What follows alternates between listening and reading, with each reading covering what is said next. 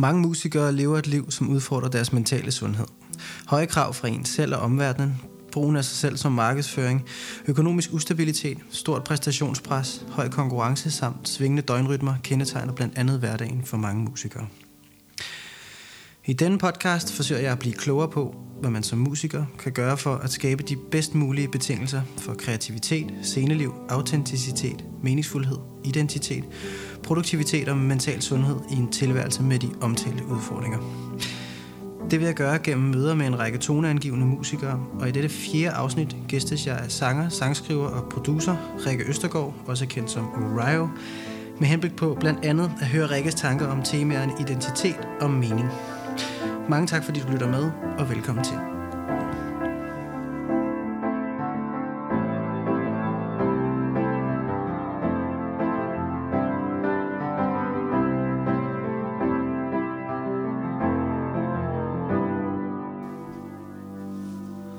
Velkommen til, Rikke. Tak, Simon. Og øh, mange tak, fordi du lige havde lyst til at gøre et stop forbi. Selv tak. Tak for invitationen. øh, jeg tænker at være intro lige at præsentere dig lidt mere, end jeg gjorde i introen. Sådan så, at øh, dem, der ikke har hørt dig endnu, øh, er med på, hvad du er for en, en. Spændende. Eller et lille udsnit af, hvem du er, du er for en. Ikke? Ja. altså, øh, du har en bachelor i sangskrivning fra Rytmisk Musikkonservatorium, blandt andet, øh, fra 2015. Så er du medskaber af det antinormative bladselskab Check Records, som er stiftet i 2016.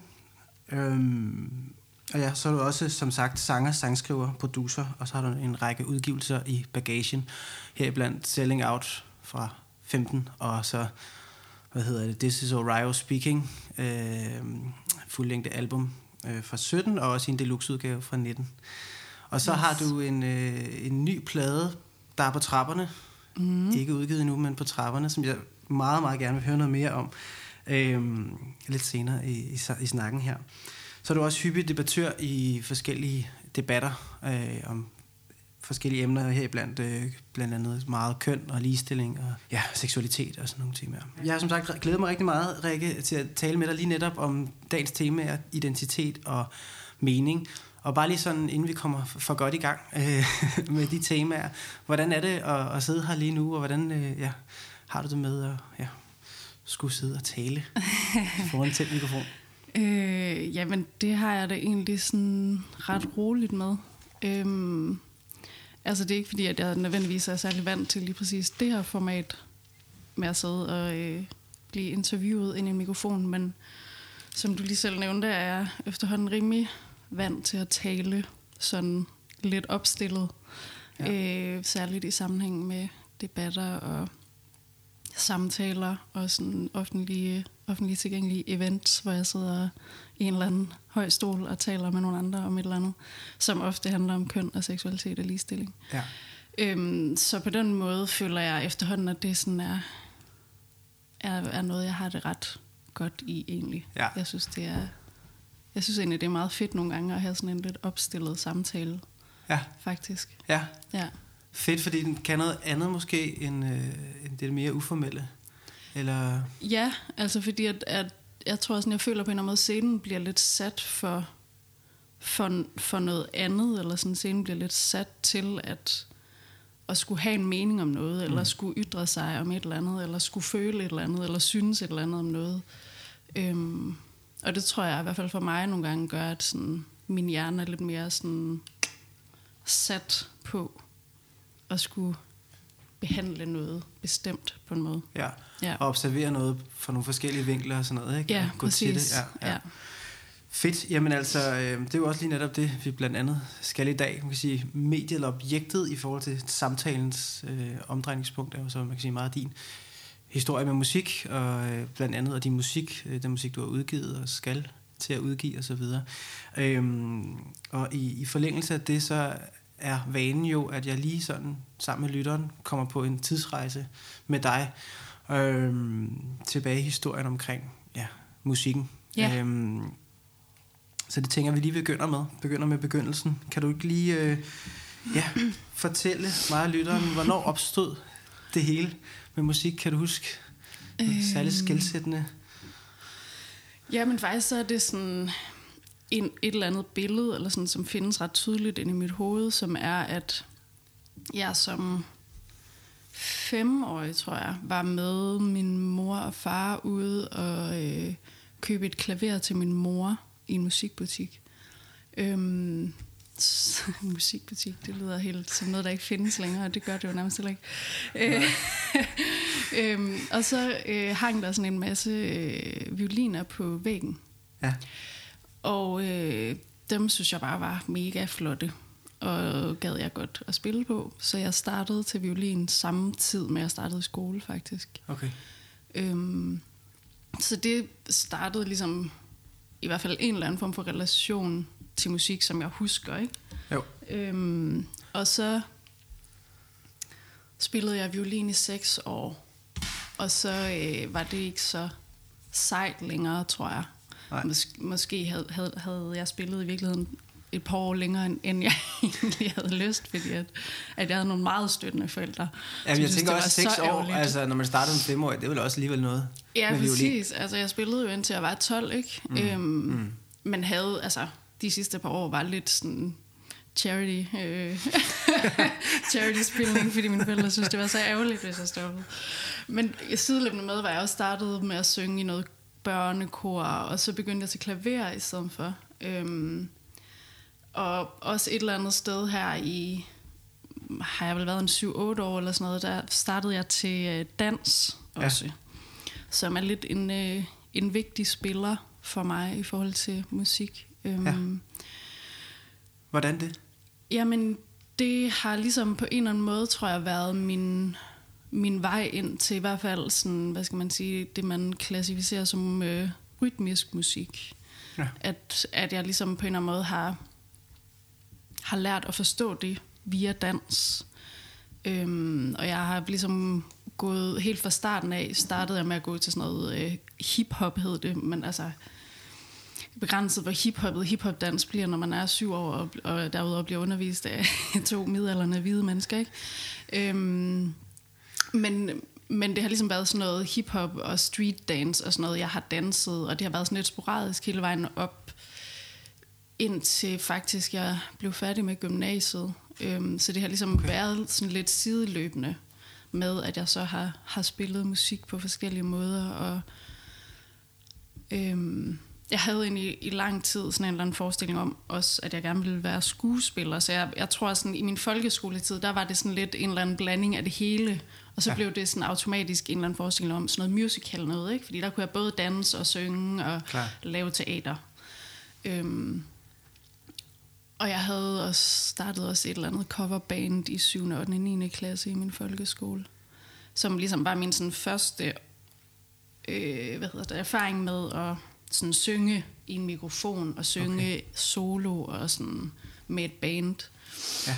Øhm, og så startede jeg på efterskole, Ja. efter folkeskolen. Og der startede jeg på en musik- og drama efterskole, men der gik jeg faktisk på dramalinjen, fordi der havde jeg stadigvæk den her øh, skuespillerdrøm. Ja. Men det var på en eller anden måde på den der efterskole, at jeg lige pludselig fandt ud af, at jeg faktisk synes, det var lidt mere spændende, det de lavede over på musiklinjen. Okay. Øhm, og at, at jeg fandt ud af, at der var noget, der hed konservatoriet, og at man rent faktisk kunne uddanne sig som musiker. Eller sådan. Det var ja. meget sådan en, wow, det her, det her kan, kan man godt gøre, uden at skulle være Britney Spears. Eller sådan. Ja. Og så, øh, så blev det ligesom meget sådan et, et mål op i mit hoved, at jeg skulle på konservatoriet som sanger Okay. øhm, som plantede sig der, hvor jeg var 15 og 16 år. Men, men jeg var slet ikke altså på et niveau, eller sådan, hvor det var hvor det var en, en, en mulighed. Det er også de færreste, der kommer ind på konservatoriet som 16 år, ikke? Men altså, Jo, jo. Øhm, men så søgte jeg ind på det, der hedder MGK, Ja. som er det der forstadie på en måde til øh, konservatoriet. Ja. Men kom heller ikke ind der, og så startede jeg på gymnasiet og havde musik på højniveau der. Øhm, ja, og så gik jeg til en masse sangundervisning og prøvede virkelig sådan at målrette mig rigtig meget mod det Gik her. for det. Ja, Ja. og så øh, startede jeg på højskole. Ja.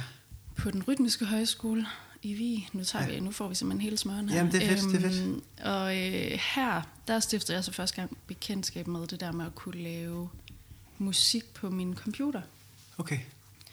Fordi jeg havde et valgfag, der hed, øh, hvad fanden var det, det hed? Fra sang til CD. 2009, ikke? det lyder meget lidt 2020-agtigt, men meget ja, 2009 præcis. Det var virkelig, øh, virkelig 2009. Ja, øh, hvor jeg lærte at bruge Pro Tools. Og så øh, blev jeg egentlig ret optaget af det. Jeg havde i forvejen lidt fået sådan en... Jeg var begyndt at lytte rigtig meget til elektronisk musik i løbet af gymnasiet, og var ret fascineret af det. Så det der med sådan at opdage, at jeg selv, og særligt det der med at kunne lave beats, som på en eller anden måde også taler tilbage i sådan den der street hip-hop danseverden, ja, ja, ikke? Ja. At sådan, jeg var meget optaget af det der med at skulle lave, lave beats og masser af bass, og sådan, synes det var rigtig fedt at sidde og rode med. Ja. Øhm, og jeg øvede mig bare helt åndssvagt meget, da jeg gik på den der højskole. Jeg har virkelig sådan tænkt over det meget efter, at sådan, kæft, jeg øvede mig meget. Altså, jeg sad både sådan ved computeren, og jeg gik op i, vi havde, der var sådan nogle øvebokse, man kunne være i, altså døgnet rundt, hvis man ville, ikke? Hvor jeg altså, var op mange timer hver aften, og jeg var virkelig sådan målrettet mod det der dumme konservatorie. Og så øh, søgte jeg ind igen på MGK efter højskolen, og kom stadig ikke ind, og jeg blev okay. bare så sådan frustreret og ked af det, og så havde jeg heldigvis en sanglærer på det tidspunkt, som jeg faktisk fik, mens jeg gik på højskolen. Øh, Anna Stengade. Skøn ja. sanglærer. Ja. Øhm, og hende blev jeg ligesom ved med at have, efter jeg stoppede på højskolen. Og så, der, øh, så søgte jeg ind på konservatoriet der også. Ja. Og kom heller ikke ind. Altså kom ikke i nærheden af at komme ind. Og så havde jeg en lang snak med Anna der om, hvor hun egentlig sådan lige på en eller anden måde fik pillet det der konservatoriet lidt ned for mig, fordi jeg havde bare fået det placeret på sådan en eller anden kæmpe piedestal. Ja, ja. Og så fik hun ligesom sagt nogle rigtig gode ting om, sådan at hun selv havde gået, hun var jo selv uddannet fra konservatoriet, og hun var i hvert fald blevet så sådan disillusioneret af at ja. gå der, fordi at det på ingen måde levede op til det, hun også havde drømt om, ikke? Okay. Og kom ud derfra og kunne ikke rigtig noget, eller sådan kom ud og skulle så på en eller anden måde til at starte forfra med, og så skabe en eller anden levevej, og sådan, at det ligesom først var nu, 10 år senere eller sådan noget, hvor at hun rent faktisk havde en eller anden sådan levevej forbundet med musikken, ikke? Jo. Men så mens jeg, altså jeg var ligesom bare mere og mere optaget af det der med at lave musik på min computer, og jeg kedede mig mere og mere ved at øve mig på at synge, fordi jeg synes, det blev kedeligt, og jeg havde ikke sådan den der gnist, eller sådan, du ved, den der fortælling om, at sådan, jeg laver musik, fordi jeg ikke kan lade være. Mm. Og jeg havde altid tænkt sådan, jeg kan sgu godt lade være med at øve mig i at synge. Eller sådan, mm. jeg, jeg synes, det er fucking hårdt arbejde at øve mig i at synge. Mm. Jeg har ikke den der følelse af ikke at kunne lade være. Jeg gør det, fordi at jeg har en eller anden ambition med det. Jeg tænker også, altså alle sanger og sangerinder kan skrive under på, at det med at synge og øve sang, mm. altså heller ikke, dels ikke er det mest sociale at gøre i hele verden. Det er tit noget, der i et eller andet omfang kræver, at man lige trækker sig lidt, for det er de færreste, der har lyst til at høre på diverse fraseringer af skalaer, ikke? Altså, men, øh, men at det jo også er øh, et, et instrument, der skal øves og trænes, en muskel, der skal trænes, ja. Altså, det kræver Præcis, også ja. vedvarende arbejde. Ja, så tror jeg bare, at det der musikproduktion, det kom lige pludselig ind og tog den der, eller sådan gav mig den der følelse af, at sådan, her er faktisk noget, jeg, jeg gør til trods, på en eller anden mm. måde, til trods for alt andet, til trods for, at jeg går på MGK, og egentlig burde øve mig i at synge, og egentlig burde have det helt vildt over det, så ville jeg hellere bruge alle mine timer foran den her dumme computer og sidde og producere musik. Ikke? Så ja. lige pludselig så fik jeg den der sådan, øh, jeg gider ikke rigtig at synge. Jeg synes, eller jo, jeg gider godt at synge, når jeg synger ind i min computer og laver min eget musik, men jeg, men jeg havde, det tog bare over mm. fuldstændig. Mm. Og det var lige pludselig der, min sådan, energi lå. Ja. Og så min sanglærer på MGK fortalte mig så om den her sangskrivlinje, de lige havde startet på konservatoriet ja. i Aarhus. Og så søgte jeg ind, og jeg havde, jeg havde lavet fem sange, og man skulle sende fem sange ind.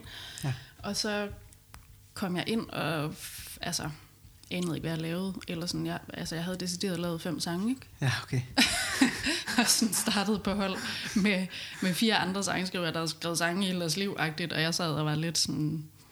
Og altså, hvordan, hvordan var det? Fordi der er jo forskel på at gå, gå og drømme om noget, siden man er på efterskolen og finder ud af, at det findes. Og så ja. kan man rimelig, rimelig sådan, hvad kan man sige, øh, engageret sætte sig det mål og gå efter det benhold, men så kom ind. Kan du ja. finde, det var... Øh... Jamen, det var jo, altså, det var jo en kæmpe sådan... øh, Jeg havde en kæmpe reaktion, da jeg ligesom fik at vide, at jeg kom ind, fordi jeg tror, det var sådan den der kulmination af noget, jeg havde kæmpet for på så mange forskellige måder. Jeg har været på alle mulige omveje. Jeg har også lige været en tur forbi musikvidenskab på universitetet, og sådan, okay. jeg har virkelig været prøvet alle andre veje, ja. Ja. for at se, om der var et eller andet andet. Øhm, og havde egentlig også fået pillet den der drøm lidt ned, ikke, af Jo. min sanglærer der. Men da det så alligevel sådan, lige pludselig skete, var det bare vildt overvældende. Altså. Ja. Øhm, men så tror jeg på en eller anden måde, at jeg var ret sådan blæst i og med, at jeg også havde fået pillet det lidt ned.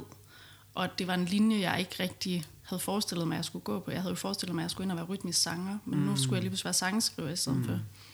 Så jeg havde ikke så mange forventninger til det egentlig, da jeg startede. Det var meget mere den der symbolværdi, tror jeg, der sådan, øh, fik mit hjerte i brand, ikke? Altså Jo. da jeg, da jeg fik beskeden om, at jeg var kommet ind. For jeg havde virkelig sådan, jeg var meget sådan, jeg aner ikke, hvad, hvad det er for en uddannelse, jeg skal ind og gå på. Jeg aner ikke, om jeg, eller sådan, jeg ved ikke, hvad jeg selv laver nærmest. Nej. Der var sådan et helt nyt, kan man sige, kapitel, der skulle tages hul på der på mange måder. Præcis, og jeg føler egentlig, at jeg havde en meget sådan ren, sådan, hvad hedder det, tom, tom side, eller sådan at starte ja. ud fra, ja. ja. Klar. Øhm, så før vi vender tilbage til det her, den her tomme side, det her tabula rasa, så tænker jeg, at i, i, hvis vi så kigger tilbage på det, du har fortalt, som jo er, hvad kan man sige, sådan en meget, på mange måder virker det til, determineret musikrejse, altså en, en rejse med musik, hvor musikken er fyldt sådan rimelig konstant, og du har gjort dig rigtig mange forskellige erfaringer. Øh, der er også mange, vi ikke har været omkring, altså mm. også i de, de tidlige formative år. Jeg kunne godt tænke mig at gå tilbage til dem faktisk, fordi Ja. dengang, øh, efter du har spillet violin, og, og måske særligt der omkring 8-årsalderen, hvor du begynder også at gå til dans og Mhm. hiphop der. Som 8-årig, kan du huske, hvilke sådan musikere eller altså, forbilleder du havde? Det behøvede ikke kun at være i musikkens verden, det kan også være i andre, øh, kan man sige, nogen der er sådan... Altså, jeg var jo øh, dig? Øh, fuldstændig dedikeret Michael Jackson-fan. Ja, Øhm, og det er der jo mange meninger om, ikke mindst inde i mig nu. Øhm, men dengang var det bare så rent for mig. Øhm, og, og det var også rigtig meget forbundet med det at danse. Eller sådan Michael Jackson var virkelig også et stort forbillede for mig i forhold til dans. ja. Øhm, og så havde jeg ligesom sådan hele rækken af de her, altså den, den sådan min, hvad var det, 10-12 års, eller var det jo virkelig sådan tiden for de her børnestjerner, ikke? Hvor Mm. Creamy og Danny Cool mm. og Small Talk og hvad, øh, de hed, alle de der. Så var der 18s fra Sverige, som var Ja. den her sådan, de her teenager, der genoplevede ABBA-musikken i sådan nogle totale øh, dance-versioner. Ja.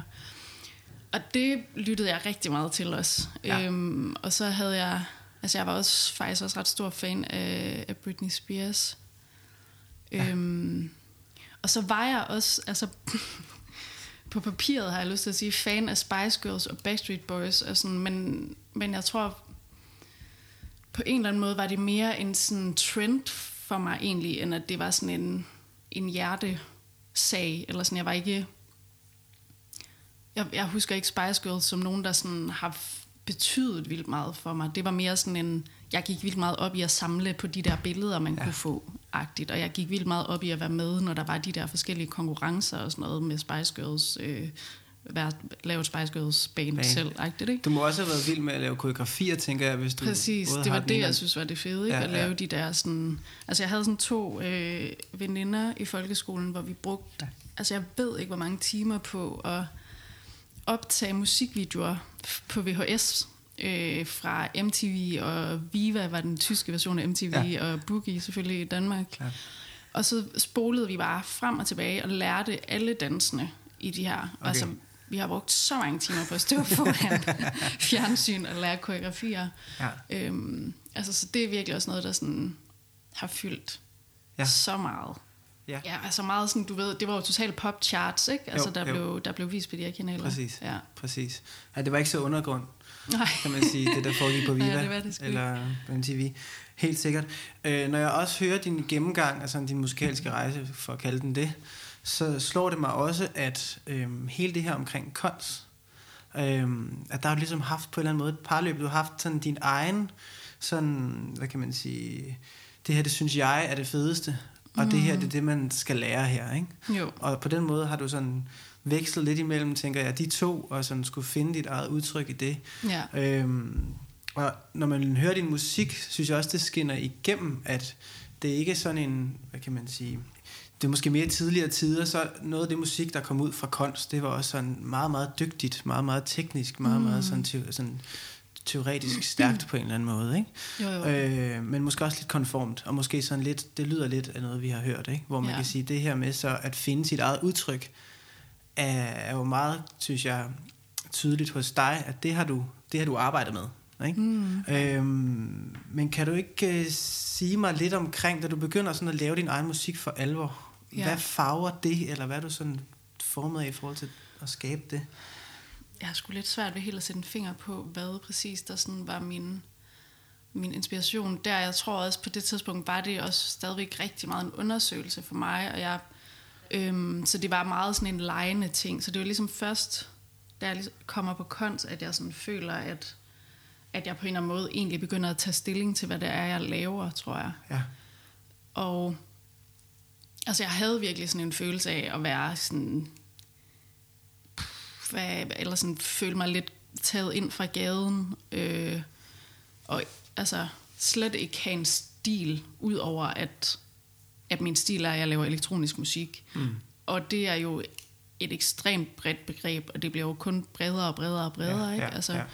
Øhm, så jeg tror, at, at jeg brugte rigtig, rigtig meget de der tre år på konservatoriet til at finde ud af, hvad jeg synes var fedt Ja. at lave, fordi at, at der er ligesom også en, netop sådan det der med at komme ind på den her sådan anerkendte institution, hvor der lige pludselig er en hel masse forventninger, selvom de måske ikke er sådan vildt udtalte eller vildt specificeret, så er der bare en masse forventninger, der sådan vivler rundt inde i de her bygninger. Mm.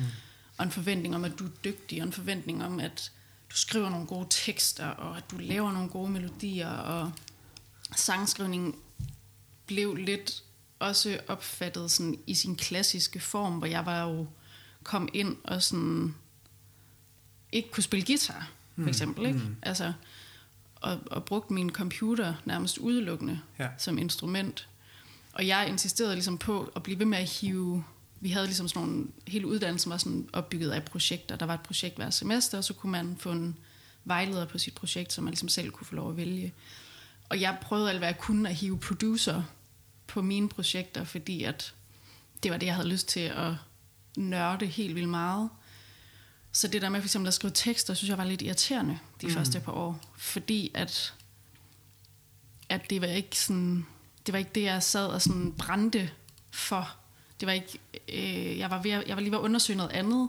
Mm. Øhm, og samtidig følte jeg, at det der med tekst, der var vildt ophøjet, og man skulle være mega poetisk, og jeg følte mig så upoetisk, og jeg følte virkelig sådan...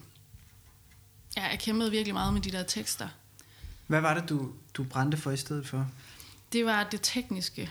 Og Ja. sådan, altså jeg synes, det var meget federe at finde ud af, hvad en kompressor kunne, end at øh, lave en fed sætning med nogle fede ord, eller sådan. Altså jeg tror på en eller anden måde, jeg havde brug for det fundament at arbejde ud fra. Det var på en eller anden måde sådan, min proces var, jeg lavede noget på min computer først, Ja. og havde nærmest lavet en hel produktion, før jeg overhovedet begyndte at tænke på melodi og tekst. Mm. Så det var ligesom sådan en... Det var det, der på en eller anden måde startede det hele ja. hver gang. Det var der, mit hjerte begyndte at banke. Det var der, inspirationen begyndte at sådan vokse ud af. Ja. Så det der med tekst, det var ligesom på en eller anden måde det aller sidste lag, og det skulle bare... Det skulle bare ligge der. Ja. Det var ikke sådan... Det havde ikke så stor en betydning for mig. Nej, og klart. det følte jeg var vildt forkert, Okay. tror jeg. Altså okay. fordi at, at det der med at være sangskriver er også lidt sådan en, mm. meget sådan en tekstdisciplin, ikke? Mm. Eller det bliver det i hvert fald set som i sådan en klassisk forstand, og det var meget, jeg tror det var meget det, både jeg oplevede sådan fra lærerne og fra dem, jeg gik i klasse med at spejle mig i, og, og også fra mig selv, at det var, det var på en eller anden måde det, jeg prøvede at trække ned over mig selv. Men Ja. det, det var ikke fedt. Altså. Nej. Præcis. Så du repræsenterer på den måde, på din overgang der, på kunsten, lidt et normbrud på sangskrivlinjen der. Ja. Men, men, men jeg tænker også, kan vide, om ikke det også var måske et meget godt tidspunkt, du kom ind, i forhold til at have fundet ud af, hvor brændingen var for dig, eller sådan, hvor, hvor det brændte for dig, øh, og så ligesom kunne forfine det udtryk. Øhm, Jo. På en eller anden måde. Jo, altså jeg tror, at det var sådan, jeg tror egentlig, der var noget godt i, at jeg startede uden at, uden at have vildt meget erfaring, og uden at vide alt muligt om mig selv i den der disciplin. Fordi Ja. jeg følte virkelig, at jeg var sådan, altså på, øh, hvad hedder sådan noget, rutsche, rutsjebanetur rundt i sådan, prøve alle mulige forskellige ting af. Ja. Øhm, Men alligevel lyder det som om, med sådan en, en, en vis sådan drivkraft inden for noget bestemt, altså du siger der på højskolen, blandt andet med computerproduktion, ikke? mm, øh, og sådan det elektroniske univers og så videre. Så du har ligesom også, også været på en rejse, hvor man kan sige, for det tager mig videre til, til det næste, for nu er temaet jo identitet, og i dag Mhm. kan det jo meget nemt blive sådan kæmpe stort patchwork-arbejde og finde sin identitet, Ja. ikke? hvem er jeg, ikke? og hvad skal jeg, og så videre. Ikke? Og især også som musiker. Altså vi står over for rigtig mange valg, øh, måske særligt i den vestlige verden, kunne man sige, øh, som skal træffes, og det er ikke som tidligere givet, hvad vi skal, hvad vi skal gøre og vælge, som i tidligere tider. Ikke? mm, Øhm, øh, og jeg som musiker, i forhold til det her med at skulle vælge sin lyd og sit udtryk og sin identitet osv., det er også kan sige, et- et stort spørgsmål og et komplekst spørgsmål at besvare som musiker. Ikke? Øhm, og der får jeg lyst til at tale lidt omkring dit musikalske bagkatalog. mm, Fordi når jeg hører Selling Out fra, fra 15, øhm, og så dit seneste udspil, This is Orion Speaking, så hører jeg også to udtryksmæssigt for, lidt forskellige øh, udgivelser. Ja. Øhm, og så man kan sige, måske med undtagelse af So Wild fra Selling Out, så er Selling Out, når jeg hører den i hvert fald, sådan et, et album, som er en lille smule mere, måske eftertænksom i sin lyd, en lille smule mere øh, sådan øh, sfærisk, med sådan nogle sfæriske landskaber, lidt mere vokal. Jeg kommer til at tænke på Susanne Sundfør lidt nogle gange, og lidt mindre mm. Mhm. autotune, og sådan lidt, lidt mindre sådan in your face, kan man sige, end når jeg hører uh, This is Orion Speaking, ikke, som har ja. Den her fremadstormende, meget sådan insisterende lyd, både i produktioner og i beats netop, ikke? Det her, Mm. sådan, du taler om i forhold til øh, beats, og, øh, og der er også mere rap og autotune og så videre. ja. Så udtrykkene er sådan, fremstår for mig ret forskellige. Kan du ikke fortælle mig og lytteren lidt omkring de to udgivelser, og sådan det her med at finde sit udtryk i forhold til dem? Jo, helt bestemt. Altså jeg udgav jo min EP, der er Selling Out, faktisk nærmest synkront med, at jeg øh, blev færdig på konservatoriet. Okay.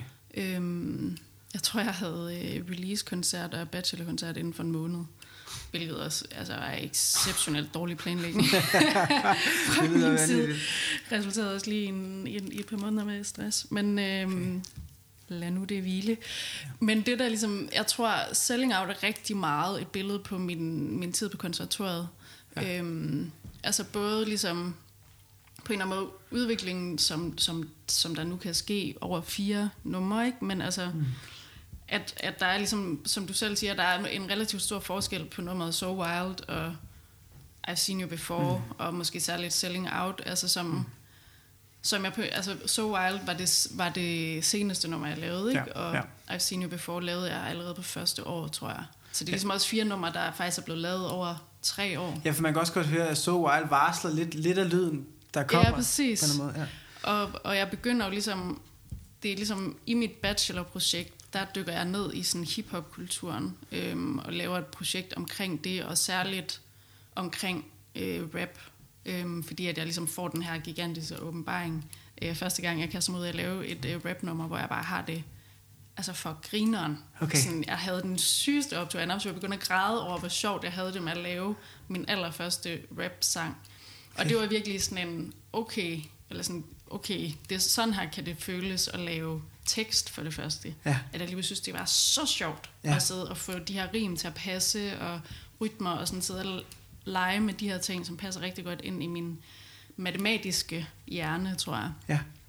Øhm, så jeg tror sådan, So Wild netop bliver både et billede på sådan min egen sådan helt personlige udvikling af sådan, også det sidste år på konservatoriet, bliver ligesom første gang forelsket i en, som ikke er en mand, og der sker en hel masse sådan privat for mig, og jeg ryger ind i noget angst, og har en masse angstanfald, og skal arbejde med det, og er i gang med sådan at vende mig selv helt på hovedet, ikke? fordi at, at det er virkelig sådan, jeg er ikke en af, en af de der mennesker, der godt har vidst hele mit liv, agtigt, at jeg nok ikke bare var heteroseksuel, eller sådan, det var virkelig sådan en, nå, hvor spændende.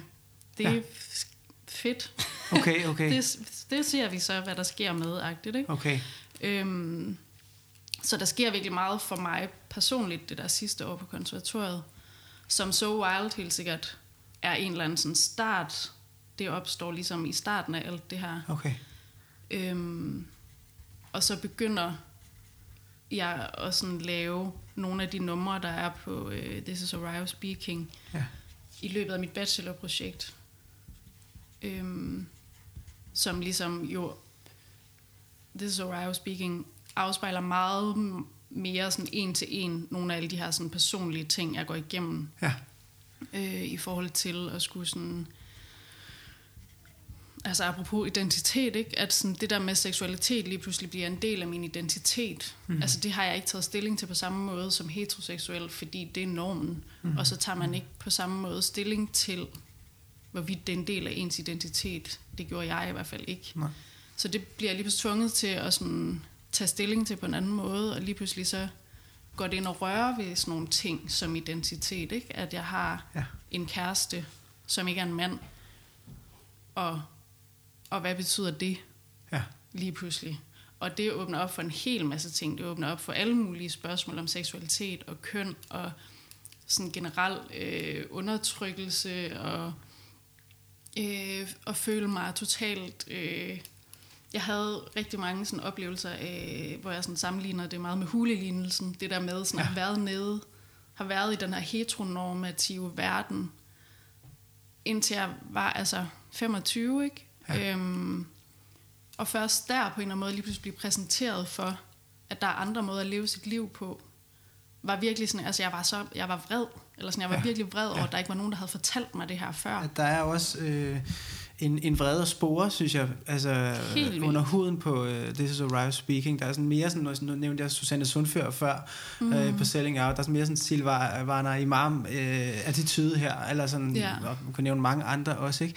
Men den her vrede øh, og indignation, du siger, hvorfor er der ikke nogen, der har fortalt mig det før? Havde du ikke haft øh, sådan i, i, i, idéer om det, eller lidt sådan, du siger, det er virkelig en følelse af, at det kom virkelig bare drønende her, mm. som øh, et kæmpestort Ja. spørgsmål, du skulle tage stilling til lige nu der, ja. Som 25-årig. Så den følelse af, hold da op, kan verden se sådan lige Præcis. pludselig.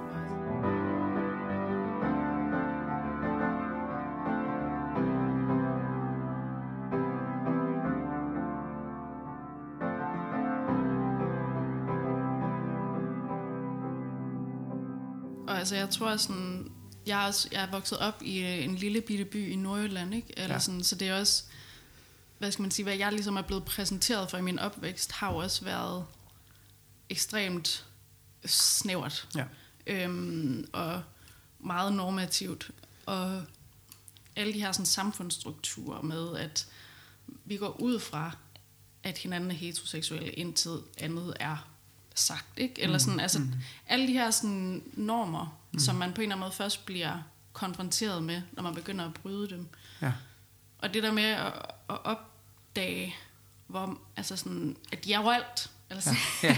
altså, det er virkelig sådan en Ja. følelse af en forbandelse også, ikke? Mm. At det er sådan, lige pludselig så kønsnormer, også det der med hele tiden sådan, wow, hvor er der, eller sådan, når jeg går ind i en legetøjsbutik, så er ting delt op i køn, mm. og sådan, hvad er, hvorfor har jeg ikke set det her før? Hvorfor, altså, hvorfor opdager jeg først de her ting nu, ikke? Mm. Mm. Ja. Altså, jeg synes, det var så overvældende. Og sådan, jeg kan huske, jeg havde virkelig nogle, nogle gange, eller sådan, hvor jeg også tænkte tanken, sådan, jeg havde lyst til at, at gå tilbage i tiden, eller sådan, fordi det var så... Okay. Øh, eller sådan, øh, så meget at altså, skulle rumme, ikke? Altså, sådan, kan jeg ikke bare gå tilbage til aldrig have vidst alt det her? Ah, Fordi jeg ved nærmest ikke, hvad jeg skal gøre med det. Og jeg ved ikke, hvad jeg skal gøre med alle de her følelser inde i mig selv, eller sådan omkring det. så det, så det, kan man sige, det var meget sådan øh, insisterende at skulle tage stilling til. Det var meget det påberåbte dig din opmærksomhed og proces på en helt særlig måde. Øh, Det Ja. her spørgsmål omkring ja, blandt andet normativitet, seksualitet. Jeg får lyst til at stille spørgsmål til et helt konkret sang på This is Arise Speaking, hvor Mhm. nu taler, vi om, nu taler du om normbrud, ikke? Ja. Og de her alle sted, stedsnærværende normer. På Intermission-sangen, Ja. der har du linjen, uh, it was, uh, I was taught how to look, what to like, how to act, how to smile, what is wrong, what is right, what is black, what is white, what's a girl, what's a guy. Mm. Altså der tager du fat i, tænker jeg, det her med normspørgsmålet, ikke? Ja, I forhold til så mange forskellige kategorier, vi har, ikke? jo. Så kan du ikke ja, sætte nogle flere ord på lige netop det, øhm, du beskæftiger dig med i den sang her, Intermission? Jo, altså jeg tror sådan... Altså den der, ja præcis den der frase, du lige læser op, er jo meget sådan en enten eller. Enten mm. eller. Altså sådan, enten er du dreng, eller også er du pige. Enten er du hvid, eller også er du sort. Enten er du, enten er du, enten er du glad, eller også er du sur. Eller sådan, der er altid... Det er meget, alt er meget binært mm. i vores mm. verden. Mm. Og sådan alle de her nuancer, og alle de her forskellige blandinger og udenomsting, og sådan er man bare nødt til selv at opdage, og selv insistere på eksistere. Mm. Øhm, og jeg tror også det der med lige pludselig for mig at opleve at gå fra at være en heteroseksuel, hvid, cis-kvinde, skide privilegeret, ikke har taget stilling til normer og strukturer og sådan noget som helst, og aldrig har taget stilling til, at der kunne være noget som helst problematisk i at gå med min kæreste, for eksempel, i hånden på gaden, til lige pludselig for det første at blive mødt af mennesker med nogle andre spørgsmål på en anden måde, med en vidsthed om, at hvis der er nogen, der spørger ind til mit kærlighedsliv, så kommer der sandsynligvis en eller anden reaktion, jeg også skal forholde mig til bagefter. Når jeg går med min kæreste i hånden på gaden, er der pludselig folk, der vender sig om og kigger. Øh, børn, der peger. Okay. Øh, altså du ved, sådan... Ja, ja. Selvom at jeg er rimelig forskånet og stadigvæk er ret privilegeret i det her samfund, så den der sådan, øh, oplevelse af, hvordan verden lige pludselig ændrede øjnene på mig, Mm. var virkelig sådan en wow oplevelse, ikke? Ja. Fordi hvad så med alle dem, der ligger nedenunder mig mm. i hierarkiet? Mm. Altså, ja, Ja, der får du jo faktisk, kan man sige, et andet filter for øjnene, eller en anden sæt briller på, so to speak, ikke? I forhold til at se nogle ting i verden, altså som... som jeg aldrig har set før, og ikke har mærket før. Ja. Ja. Ikke? Og sådan det der med, at, at det,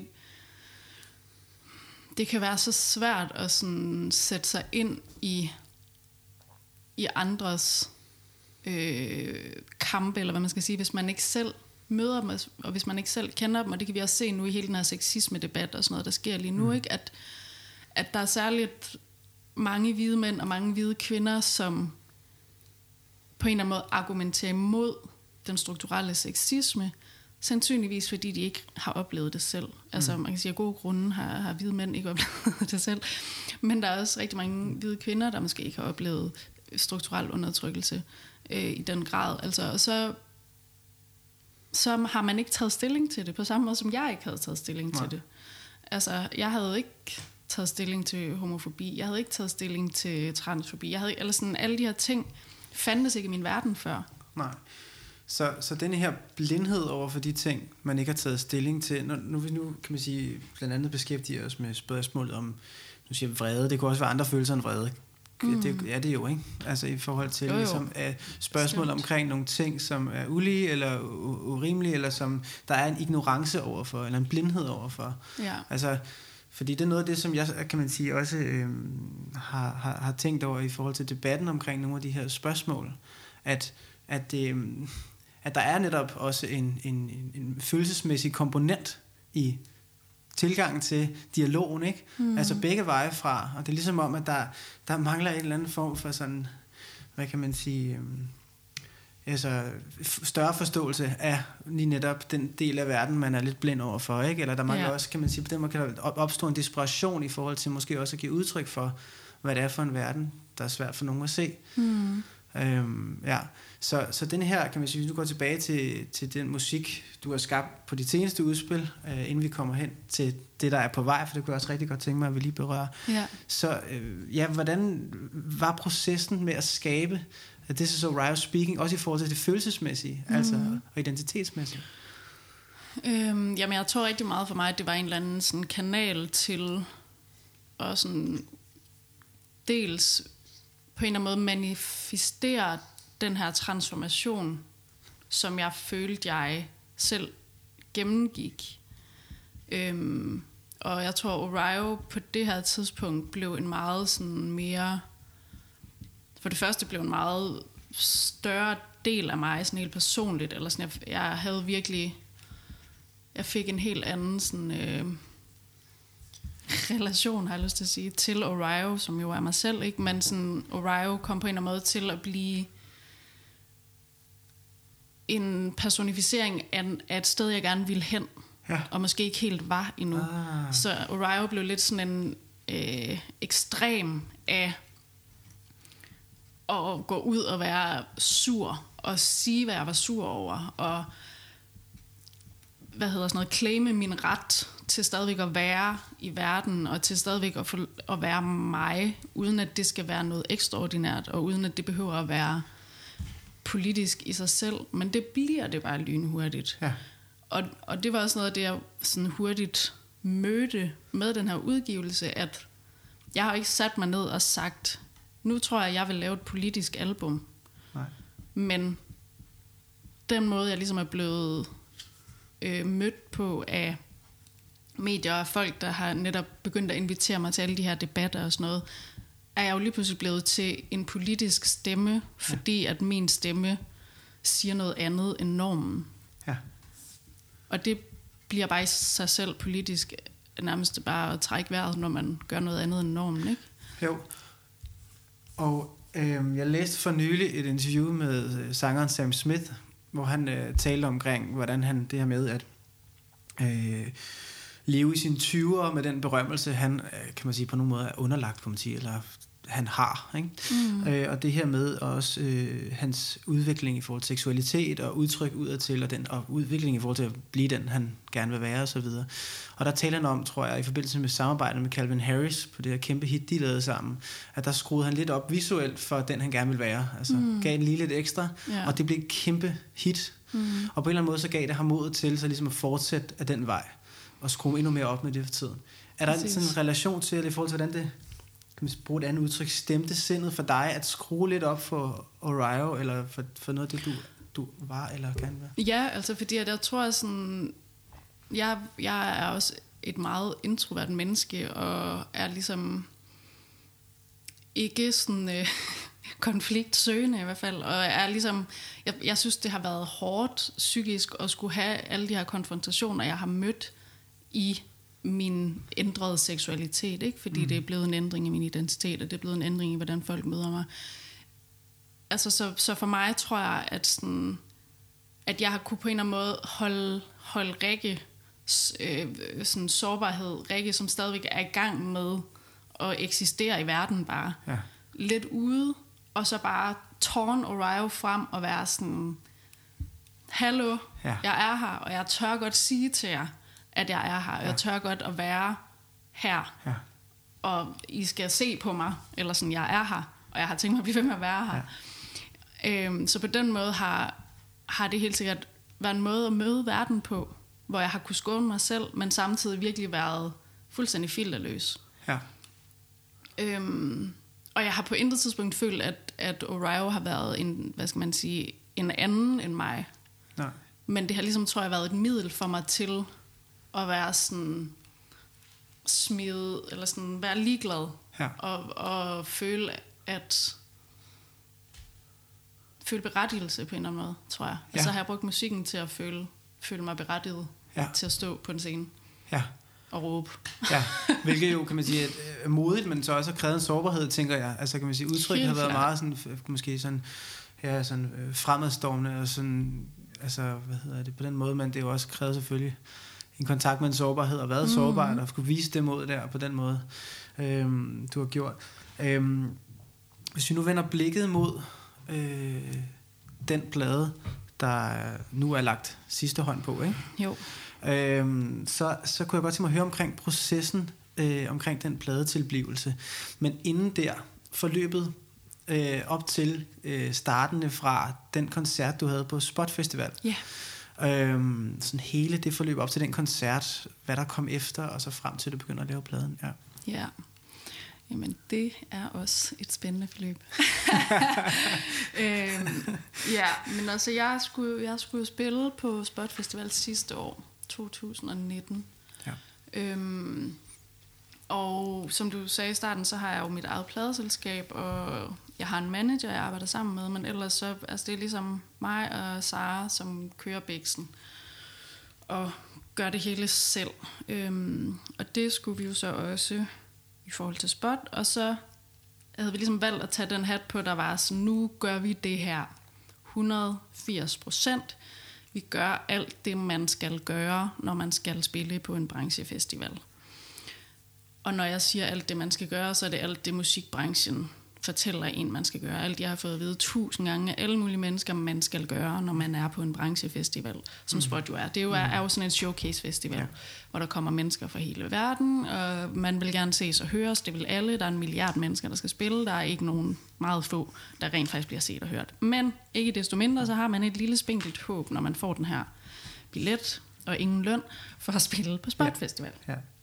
Ja, så Sara og jeg, vi øhm, altså, kørte virkelig benhårdt på og lavede alle mulige ting, skrev rundt til så mange mennesker, inviteret til alle mulige møder, lavede altså, så meget arbejde, og jeg inviterede en gæsteartist med, og vi lavede en sang sammen, og det blev ligesom en del af sådan hele den her pakke. Vi, altså, vi brugte så meget tid på det. Og så øhm, kommer jeg ligesom på Spot Festival, og dagen inden, eller to dage inden er det nok, jeg skal spille, aflyser den her gæsteartist. Og jeg har det ikke særlig godt, øh, fordi jeg er stresset. Ja. Og jeg er alt for fokuseret på det udbytte, der skal ligge af alt mm. det her hårdt arbejde, jeg har lagt i den her ene koncert, og jeg, fordi at jeg har gået så meget på kompromis med mig selv, og jeg ligesom har, har brugt så mange kræfter på det, og så vil jeg også have et resultat, ikke? Mm. Øhm, og jeg spiller den her koncert, og det er ligesom inde i sådan en lille bitte sal, hvor der ikke er noget backstage, så jeg står ude i sådan publikumsområde, da folk begynder at komme ind, mm. og der kommer ikke ret mange, og det slår mig bare så hårdt. Altså, og jeg kan ikke sådan overhovedet ryste det af mig, og jeg går op på den her scene, og jeg, altså, jeg har slet ikke lyst til at være der, og jeg er bare ked af det. Ja. Og det er nok den sværeste følelse, jeg nogensinde har skulle arbejde med på en scene. Ja. Den, heldigvis også den eneste gang.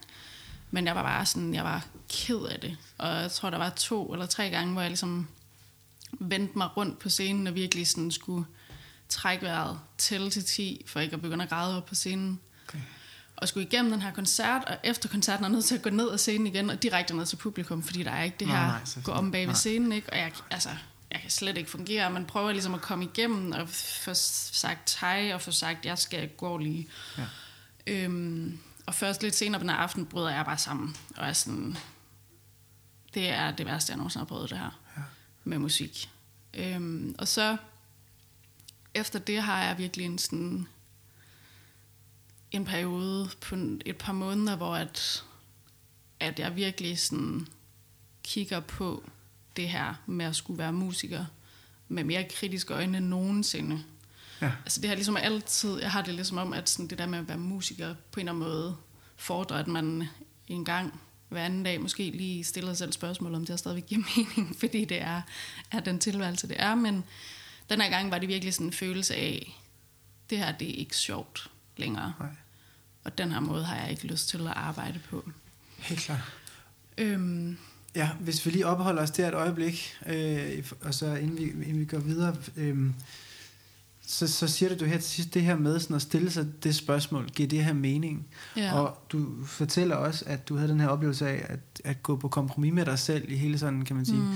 den der meget intense proces, forberedelsesproces op til den her koncert. Hvad var det, du gik på kompromis med?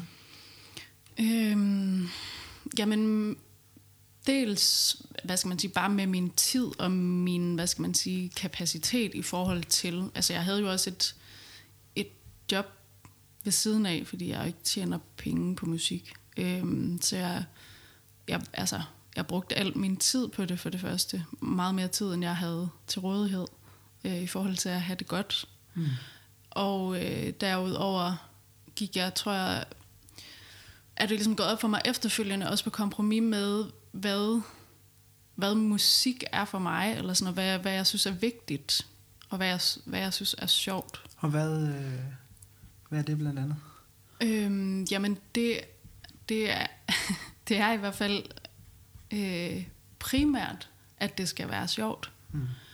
Og at, at det skal være noget, jeg gør for min skyld. Mm. Og ikke noget, jeg gør for, at der skal stå 10 øh, bestemte branchepersoner og lytte til det, jeg laver, og give mig en eller anden skulderklap, eller anmeldelse, eller whatever. Mm.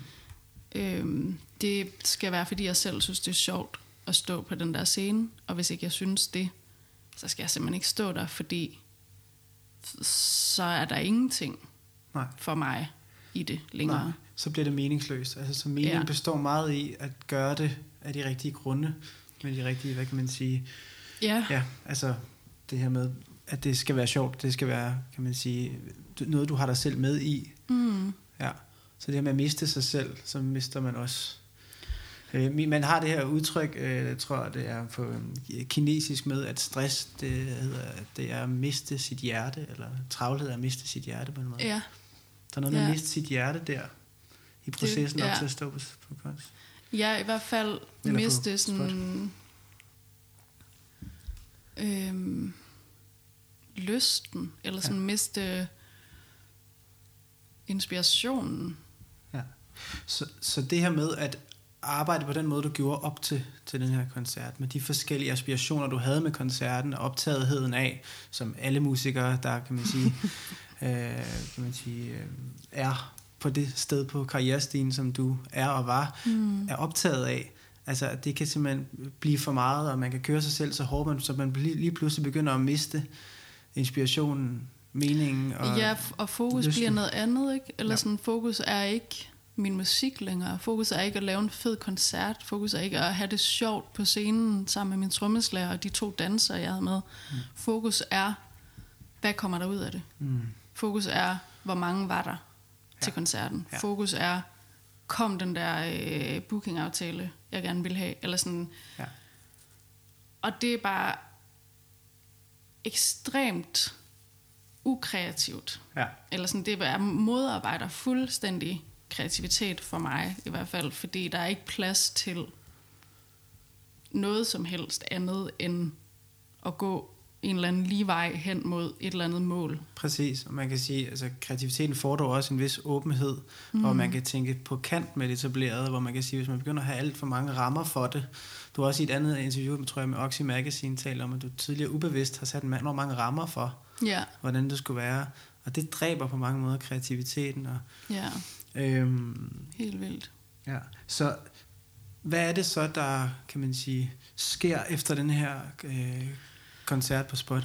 Jamen, så sker der ligesom det, at jeg går ind i en eller anden proces med mig selv, hvor jeg virkelig sådan begynder at tage stilling til, om, om jeg skal blive ved med det her med musik. Øhm, og det er ekstremt følsomt for mig, og meget, meget, meget sorgfuldt, fordi at, som det ligesom er blevet tydeligt, så har musik jo været en sådan meget målrettet øh, aktivitet ja. på en eller anden måde for mig hele mit liv. Ikke? Øh, I hvert fald så langt tilbage, jeg kan huske. Og, og det der med lige pludselig at skulle sådan, måske løsrive mig fra det, var, var bare virkelig øh, meget sorgfuldt, og meget også, altså sådan begynder også at tale ind i, i min identitet, fordi at jeg i rigtig mange år har identif- identificeret mig med at være musiker. Ja. Og det har ligesom været det, jeg har sagt, når folk har spurgt, hvad jeg laver, som jo er det første, vi spørger hinanden om i det her land. Fordi vores identitet er ekstremt hængt op på vores beskæftigelse. Mm. Øhm, og det der med lige pludselig at sådan skulle begynde at forestille mig i mit hoved, at, at, det, ikke, at det ikke er min beskæftigelse længere, var virkelig svært. Ja. Øhm, og altså, jeg havde sådan et par måneder, hvor det sådan, jeg, jeg, jeg kunne nærmest ikke engang tale om det, uden at jeg bare græd, eller sådan, fordi det var så, det gik bare så dybt ind i mig. Mm. Og jeg synes, det var meget svært at sådan, øh, hvad hedder det, have inde i, inde i min krop. Eller sådan, det, jeg kunne slet ikke finde ud af, hvordan jeg skulle tale om det, eller hvad jeg skulle føle og mene om det. Ja. Øh, men jeg, altså, og jeg havde ligesom en måned efter den her Spotfestival, skulle jeg lave release på min øh, deluxe-version ja. af mit album, som udkom på vinyl. Og jeg, altså, jeg kunne ikke... Altså, jeg sad og havde møde med, med dem, jeg havde pladeselskab med, og var sådan, jeg, jeg, jeg, jeg tror, jeg bliver nødt til at aflyse, for jeg, jeg kan ikke det her. Og jeg kan ikke altså jeg kan ikke gå, stå og skulle hoste et eller andet event med at udgive en eller anden plade, og jeg lige nu ved jeg ikke, om jeg overhovedet har lyst til at være musiker og udgive den her plade. Jeg var nødt til på en eller anden måde nærmest ikke at beskæftige mig med det, for jeg kunne ikke Nej. forholde mig til det. Hvad hedder det? Det lyder nærmest som sådan et, det man kunne kalde eksistentielt vakuum, eller sådan tomhed, altså meningsløshed ja. på en eller anden måde. Meget, ja. Det er jo også meget lidt, som du også sagde før, det er meget lidt produktivt ja. at være der.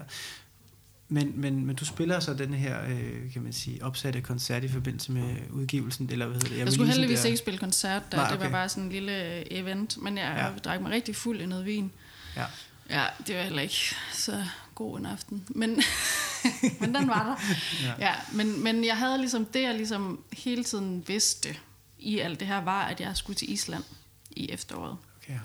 Øh, for det havde jeg besluttet mig for allerede ret tidligt på på året sidste år, at jeg skulle op og gå på en skole i Island. Øh, en kunstskole, der hedder Lunga, som er på en eller anden måde anti-institutionel. Ja. Øhm, og er tværfaglig, ikke mindst, hvilket også var en rigtig vigtig ting for mig på det her tidspunkt, at jeg godt kunne sætte derop og ikke beskæftige mig med musik. Øhm, og, det, og det havde du ligesom sat dig for?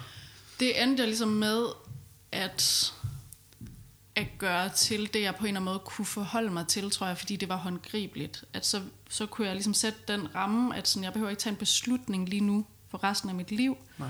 men nu tager jeg op på den her skole i Island, og der er min ambition at lave så lidt musik som overhovedet muligt. Ja. og prøve at lave alt muligt andet kunst, og være kreativ på alle mulige andre Så måder. du slipper faktisk lidt den her kontrol, du har holdt meget fast i, i forhold ja. til musikken. Ja. ja. Øhm, og samtidig giver mig selv lov til ikke at skulle tage den der sådan endelige beslutning, som altså bare var umulig for mig overhovedet at forholde mig til. Ikke? Jo. Øhm, og så sker der også det, det var meningen, at jeg skulle have spillet til Pride også, ja. lige inden jeg ja. skal til Island. Og på en eller anden måde havde jeg lidt tænkt op i mit hoved, jamen jeg vide, om det så bliver den sidste koncert, jeg kommer til at spille. Ja. Øhm, og det passede mig egentlig meget godt, når det nu skulle være, at det så var på hovedscenen på Pride. Altså, noget jeg glædede mig rigtig meget til, samtidig med, at jeg også havde den her koncertoplevelse meget tæt på mig ja. stadigvæk, ikke? Som, som også skabte en eller anden sådan angst, tror jeg. Men, men jeg tror på en eller anden måde, det der med sådan at sige til mig selv, måske var det her min sidste koncert, gjorde, at jeg på en eller anden måde kunne betragte det lidt på en anden måde, tror jeg. Mm. Øhm, men så sker der også det, at øh, jeg ender med at blive aflyst derfra, fordi at jeg kritiserer deres musikprogram. Mm. Og så bliver det lige pludselig til en kæmpe mediesag, ja. og meget overvældende periode lige efter. Og også, eller sådan, det var også meget, jeg følte, det var meget sådan karma-lov-agtigt, det der med at være sådan, nu, nu giver jeg slip på det her musik, nu sådan, ser jeg for mig ved mit hoved, at det er den sidste koncert, jeg skal spille, og så blev koncerten aflyst, og lige pludselig vil samtlige danske medier tale med Orio, og jeg er ja. inde og lave interview i P3 og P1 og noget andet på P1 og alt muligt. Altså sådan, ja. hvor jeg virkelig var sådan, mm, det var ikke det, jeg ville. fuldstændig, fuldstændig eksponeret der i den periode der i august ja. sidste år. Ja. Altså det var så øh, kontra øh, intentionelt. ja, ja. Virkelig. Og, så... og hvordan øh, stemte det dit sind, altså at ja, slippe kontrollen, og hvad kan man sige, slippe faktisk også intentionerne jo. Ja. På mange måder på Island. Øh, det, var, det, var, det tog lige noget tid. Altså jeg, jeg tror, det var rigtig godt. Jeg startede med at have en workshop i en uge, hvor øh, øh jeg skulle danse. Det tror jeg virkelig var det, var det bedste, der overhovedet kunne ske på det tidspunkt. Det var at komme tilbage til dans. Ja. Komme tilbage til min krop. Ja. Øh, og i det også komme tilbage til Michael Jackson. Øh, okay. Ja, jeg, jeg fik lige pludselig sådan et meget klart behov for at se den her Michael Jackson-koncert, som jeg har set så mange gange, da jeg var 8 år gammel. Ja. Så den sad jeg op på mit lille værelse i Island og så og græd og havde det meget, meget sådan vildt. Jeg følte mig virkelig sådan til... Jeg følte lige pludselig, at jeg rørt ved en, en eller anden følelse, som jeg ikke har rørt ved i meget lang tid, som var sådan den her den her sådan, øh, glæde og sådan den her helt barnlige følelse af sådan drømme og lyst og sådan blive helt sådan betaget af de her bevægelser og den her sådan ekstreme ikonstatus, han jo havde, ikke? Altså, hvor han kommer ind og står stille på scenen mm. i flere mm. minutter, mm. og så bevæger han en arm, og folk ja, går amok, ja, ja, altså. Ja, ja. Og sådan, jeg, kuldegysning over hele kroppen hele tiden, ikke? Eller sådan, men den her sådan helt intuitiv, rene begejstring ja. for at sådan ville, ville det. Ja. Og sådan have lyst til at, at danse, og sådan, jeg brugt så mange timer i Island på bare at gå ned i, der var sådan en stor øh, sal, vi havde tilgængelig hele tiden, og bare altså danse alene rundt. og bare have det sådan høre, sætte noget musik på, som jeg havde vildt meget lyst til at høre, og vildt meget lyst til at danse til. Ja. Øhm, og jeg tror, sådan den her genforening med, på en eller anden måde, det der har sådan været min sådan udgangspunkt, ja. Som på en eller anden måde bare har været den relation, jeg havde til Michael Jackson, tror jeg. Ja. Vækkede virkelig noget i mig, som var sådan en en, en lidt sådan opvågning, tror jeg. Ja. Eller lidt sådan en, gud ja. Ja. Gud ja, eller sådan, det, det, det, det er egentlig den her, det er den her følelse, jeg søger, eller sådan, det er den her følelse, jeg, jeg gerne vil have med musik. Ja. Ikke den der følelse, jeg havde Nej. Spot Festival. Eller sådan. Det, har jeg ikke, det vil jeg ikke have noget at gøre med. Nej. Jeg vil gerne have det sådan her hele tiden, Som når jeg laver musik. Helt, helt klart. Ja. Enormt fint. Og jeg tænker, at øh, den oplevelse står også i skærende kontrast til det, du beskrev om, hvordan det var op til mm. den spotkoncert, og lige under og efter spotkoncerten, noget omkring at miste sig selv, ikke? I det her virvar, alle mulige intentioner uden for sig selv, ude i fremtiden, i forhold til, hvad andre mennesker vil, osv. osv. Så genbesøget af den her rå nerve i dig, ja. altså dit otteårige, kan man sige, eufori over musikken og, og dansen her i det her tilfælde mm. også, og det som sådan vækker en umiddelbar ja, glæde og mening og sådan. Ja. Det gav du plads til, og jeg kan ikke lade med at tænke, at det, der er også, du har også givet plads til den aktivt på en eller anden måde, ikke? Jo. Fordi du droppede lidt noget af det andet der, ja. uden at du lige svarer, nu dropper jeg det andet for at give plads til det her. Så slap du noget kontrol og gav på den måde plads til, at det kunne finde sin vej. På ja, noget, præcis, at det ligesom selv kom op, eller sådan, og jeg, hvad skal man sige, jeg havde ligesom også på en eller anden måde nogle, nogle gode øh, rammer for det, ikke? Fordi ja. netop det der med, at dansen bare lige blev sådan smidt foran ja. fødderne på mig, ja. uden at jeg egentlig havde tænkt så meget over, at det var så stor en del af det for mig. Men, men det, det var virkelig sådan en... Altså det er også gået op for mig efterfølgende, at det der, det der inspirerer mig, når jeg selv sidder og laver musik, det er, om jeg har lyst til at bevæge mig til det. Mm. Eller sådan, det, så synes jeg, det er fedt, eller sådan, så begynder jeg at blive så kører det for mig, ikke? Eller sådan, mm. så synes jeg, det er fucking nice at sidde og lave musik, og sådan kunne visualisere andre bevægelser til det, eller sådan, mm. hvor at lige så snart, at det er noget musik, jeg ikke har lyst til at bevæge mig til, eller, gå, eller sådan, at jeg begynder automatisk at sidde og bevæge min krop til, så er det ikke, rører det mig ikke på samme måde. Nej. Øhm, så jeg tror bare sådan, ja, det der med på en eller anden måde at opdage, hvor, hvor meget det betyder for mig, Øh, ja. Og så, så tog det ligesom nogle drejninger, fordi det var stadigvæk ikke, det var ikke sådan, jeg tænkte, nu skal jeg lave musik. Altså, fordi jeg havde lidt sådan, jeg prøvede lidt at lave noget musik de første par uger, men det var bare nederen, og jeg blev sur på mig selv, og jeg blev ked af det, jeg gad ikke, så jeg var til sidst bare sådan, fuck det. Nu stopper jeg helt, og så laver jeg ikke mere musik, mens jeg er her. Og så var der den her fest, hvor, der skulle være, hvor man kunne være DJ. Og så ja. var jeg sådan, helt sikkert, det vil jeg gerne. Ja. Så skal jeg, jeg skal ikke lave noget, jeg skal ikke performe, jeg skal bare stå og have det nice og spille noget musik, jeg selv synes er fedt og har lyst til at danse til. Ja. Og det talte jo rigtig godt ind i det der, ikke? Jo. Øhm, og så havde jeg bare, altså så havde jeg det bare for fucking nice at være DJ. og var sådan, havde øh, sat alle sådan, mine egne yndlings dansenumre på, og så havde jeg lavet sådan, så satte jeg Adele med Hello på midt i hele sættet, og fik hele sådan dansegulvet til at synge med. Og det var virkelig, eller sådan, du ved, jeg tror, jeg havde sådan den der følelse, at nu har jeg oplevet det her. Nu har jeg oplevet mm. det med at stå på en scene, og et publikum står og synger fucking med på min musik. Ja, ja. Og det var ikke min musik, Nej. men det var samme sådan... What? Ja, Agtige ja, ja, den følelse, der ikke? samhørighedsfølelse der. Ja. Ja, så jeg tror også, det var lidt sådan en fint. Nu Ja. har, eller sådan, det kan jeg godt opnå ved selv også at have det mega grineren, og ikke skulle lave alt det der lortearbejde, og ikke skulle være så fokuseret på alt, eller sådan, jeg kan bare være DJ. Jeg skal bare være DJ. Ja, Det var det, jeg skal være. ja, ja. Og så blev jeg samtidig, tror jeg, også vildt inspireret af at lige pludselig begynde at lytte helt vildt meget til musik igen. Ja, Fordi så blev det lige pludselig tydeligt for mig, hvor lidt musik jeg har lyttet til, siden jeg startede på konservatoriet nærmest. okay. Øhm, fordi der bare ikke har været plads i min hjerne, tror jeg. Altså Nej. Det der med selv at sådan sidde med hovedtelefoner på 4, 6, 8 timer dagligt og lave musik. Altså sådan, når jeg så ikke lavede musik, så havde jeg bare brug for ro. Mm. Og sådan, jeg kunne ikke... Jeg, har, jeg havde aldrig musik, sat aldrig musik på derhjemme, eller sådan... Nej. Men den der med lige pludselig at sådan at sidde og lytte alt det musik igennem, som jeg synes var det fedeste i hele verden, og Ja. bare få sådan den ene optur efter den anden for Ja. at lave det her DJ-sæt, Ja, ja. det gjorde, at lige pludselig, så var min hjerne sådan, fuck, det her nummer, det skal jeg lave. Og så satte ja. jeg mig ned på min computer, og så lavede jeg et nummer på to timer, og havde bare haft det sjovt i Ja. to timer. Fedt. Ja, Så der nærede du den der gode kilde til, til Præcis. skabelse, altså ved ligesom at, at, kan man sige på den måde også lade musikken stemme dit sind til inspiration, ikke? ja, Ja, og det er så, kan man sige, det første sang, og startskuddet på, øh, på den det her... nye album. Ja, præcis, ja. præcis.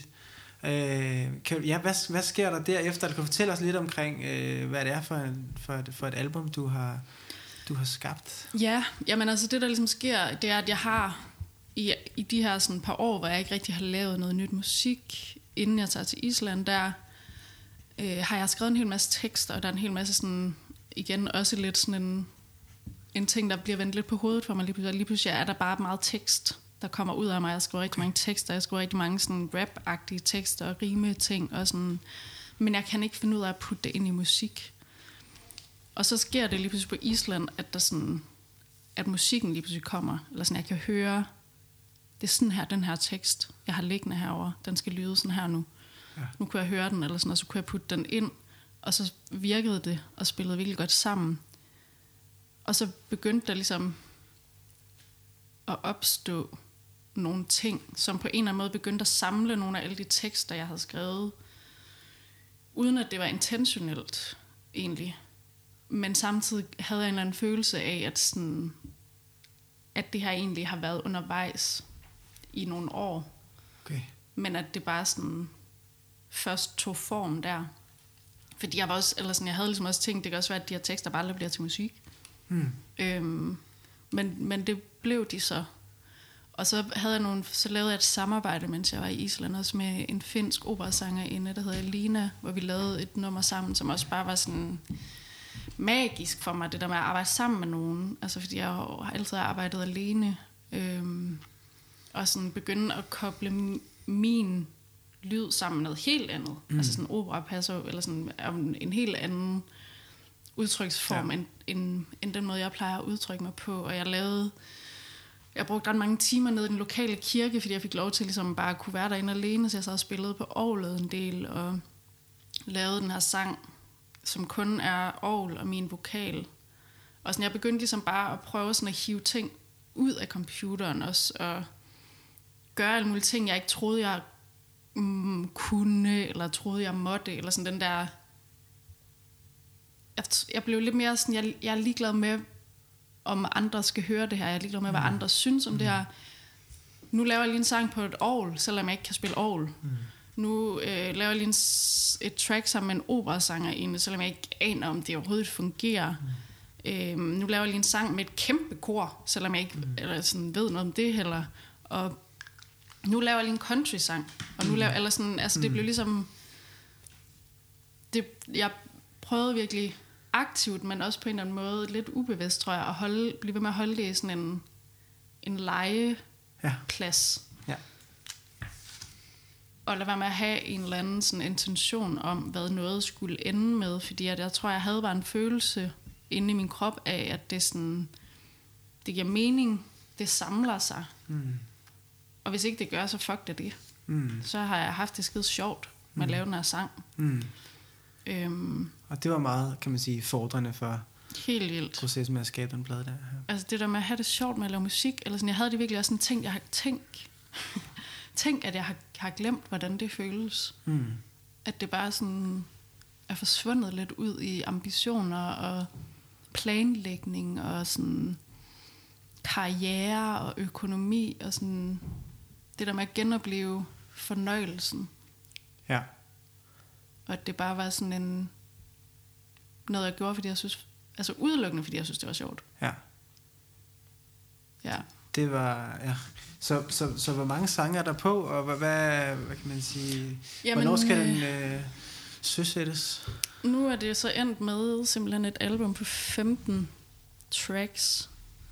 Og altså, grund til, at jeg ikke siger sange, er fordi, at det ligesom er alle mulige forskellige formater.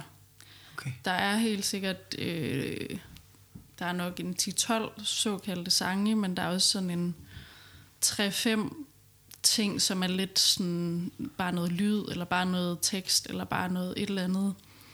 Øhm, og det har ligesom fået titlen Complex, fordi at det er blevet en eller anden sådan netop, apropos det vi talte om tidligere, en eller anden sådan, øh, et ønske om at behandle nuancer, og, og et ønske om at øh, ikke at ville give noget svar på noget, Mm. og ikke ville synes, at noget er mere rigtigt end andet.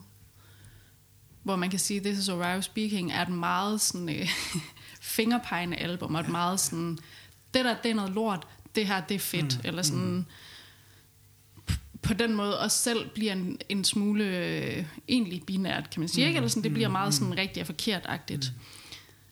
Og der havde jeg vildt meget brug for at sådan rumme mine egne nuancer, tror jeg egentlig. Ja. Ja.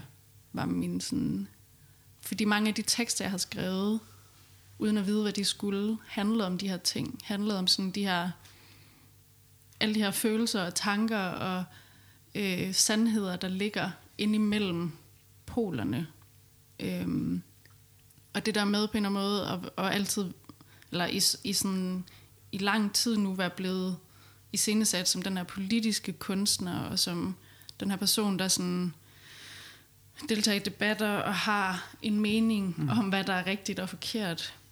Øhm, at være rigtig meget i politiske sådan, øh, hvad hedder det, omgivelser og kredse og sådan, havde på en eller anden måde gjort mig lidt synes jeg var lidt, øh, lidt svært at være i til sidst, tror jeg, fordi at, at, at jeg havde svært ved at forene det med min opvækst på en eller anden måde. Jeg har svært ved at forene det med at være øh, Rikke fra Nordjylland, som øh, er, er vokset op som heteroseksuel, som er vokset op øh, i et homofobisk samfund, i et racistisk samfund, i, eller sådan, har lært alle de her strukturer, som ligger subtilt i vores samfund, og så lige pludselig være gået over på den anden banehalvdel, og så være sur på alt det andet.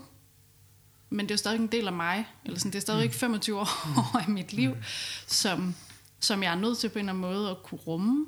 Mm. Og jeg kan ligesom ikke, jeg kan heller ikke arbejde med det, jeg kan ikke ændre på det, jeg kan ikke analysere og reflektere over det, hvis ikke jeg anerkender dets eksistens. Mm. Øhm, så det der med på en eller anden måde at sådan give plads til både at kunne øh, have penge og være rasende på penge, men også have helt vildt meget brug for penge, og selv tage sig i at være læflende nogle gange, eller selv tage sig i at gøre nogle sådan, mere eller mindre ufine ting for at komme et eller andet sted hen, for at få de penge, man har brug for. Eller sådan, altså, ja, så, jeg- så, så det er ligesom blevet, for at komme tilbage, et album, der, der har seks forskellige emner, tror jeg, øh, som bliver behandlet fra forskellige vinkler. Så der er sådan en, der, apropos penge, er der en money part 1 og en money part 2. Øhm, og, og de har to forskellige blik på penge, Mm. og begge blik er nogen, der kommer fra mig, og nogen, der eksisterer inde i mig. Øhm, og der er ikke nogen af dem, der er mere rigtigt end, end andet. Og så er der kærlighed, og der er noget om øh, privilegier, og der er noget om religion. Og sådan. Så der er ligesom nogle forskellige emner, der på en eller anden måde alle sammen forholder sig til ligestilling og til sådan hele den her meget tilstedeværende politiske kamp, der er overalt øh, i øjeblikket. Øhm, men som samtidig prøver at rumme sådan nuancerne. Ja. Ja. Fantastisk, Rikke. Jeg, øh, jeg tænker sådan øh, på, på baggrund af, af det, det lyder som øh, en, øh, kan man sige, en, en, en plade med et spændende projekt også, et spændende budskab, altså, som jeg tænker også er enormt vigtigt og vedkommende i virkeligheden for den tid, vi lever i, ikke? altså en tid med meget splittelse, Mm. øh, med stort behov for, foren, altså for forening i virkeligheden, ikke? Øh, øh, på rigtig mange forskellige politiske arenaer og forskellige øh, fronter. Øhm, så det vil jeg glæde mig rigtig meget til. Bare lige inden jeg opsummerer for samtalen, godt til mig at høre, hvornår mm. kommer, den, kommer den ud her cirka? Det er jo ikke altid, øh, der ligger sådan en øh, signed, seal, Nej. delivered date. Nej, det gør der ikke øhm, endnu.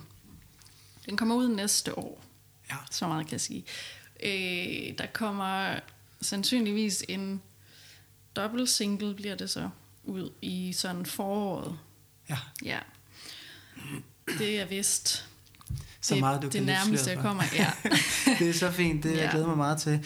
Øhm, jeg vil opsummere kort for nogle af de pointer, vi har været igennem. Vi har været meget igennem, så det bliver, det bliver nogle nedslag, ikke? Men altså, vi har, har blandt andet været igennem sådan et gennemgående tema, det her med normerne, ikke? Altså, og normerne som noget allestedsnærværende, og i virkeligheden behovet for at kigge på normer i dag som noget ikke binært, ikke noget enten eller sort-hvidt, mm. men noget, hvor der, kan man sige, har behov for at kigge på nogle nuancer, apropos kompleks pladen, der kommer. Altså det her med at, at øh, forstå sig på, at der er forskellige perspektiver, der er mange forskellige farver på skalaen, og mange nuancer. Hvis lad os prøve at se, om vi kan, kan rumme dem, mm. når vi skal finde svarene på nogle af de store spørgsmål, vi står overfor. Øhm, så var der hele den her sådan, distinktion mellem det, man gerne vil som musiker, vi var inde på, selv, og det, som andre måske gerne vil, altså det der med konformismen på den ene side, og så det der med at gå med sin egen stemme. ja. Og du talte om, at op til den her, kan man sige, koncert, hvor det bliver rigtig meget, måske også, hvad vil andre, eller hvad, hvad vil, tror jeg gerne, øh, jeg vil præget af alle mulige ting, man skal, men også hvad der kan komme ud af det her på sigt. At der bliver en lille smule yderstyret. Altså motivationen bliver meget måske yderstyret, hvor det her med at finde ind til den indre styrede motivation, altså gøre noget, og have det, man gør, musikken som målet i sig selv, og ikke et middel til at opnå noget andet, det på en eller anden måde var fordrende for, at finde det lejende igen, og derved finde mening igen med Ja. musikken og i musikken, som du gjorde, øh, hvad hedder det, på Island, øh, som blev, hvad kan man sige, hele sådan den gode øh, arbejdsbetingelse for at sætte i gang i den plade, der, er- der er på trapperne. ja. Øhm, og der var også det her med at finde tilbage til den der oprindelige, kan man sige, kropslighed i dansen, men også bare, ja, det legesyge, det glade, altså mm. meningen på den måde. Øhm, så tænker jeg bare sådan helt afslutningsvis også, at, øh, kan man sige, musik er jo i virkeligheden også det, vi har enormt meget brug for i dag, fordi musik kan forene os lige netop, ikke? Musik Ja. forener os på tværs af forskellige politiske holdninger, racer, seksualiteter. Alle de her ting, der kan musikken være en forenende kraft. Derfor er Mm. musikken musikken også så meget desto vigtig, tænker jeg, at holde fast i og understøtte i en tid, en tid som den, vi lever i. Og det er du med til, så øhm, det er jo fantastisk. Øh, Rikke, det har været en meget stor øh, fornøjelse at øh, tale med dig. Mange tak, fordi du kom, og også mange tak til dig, der har lyttet med.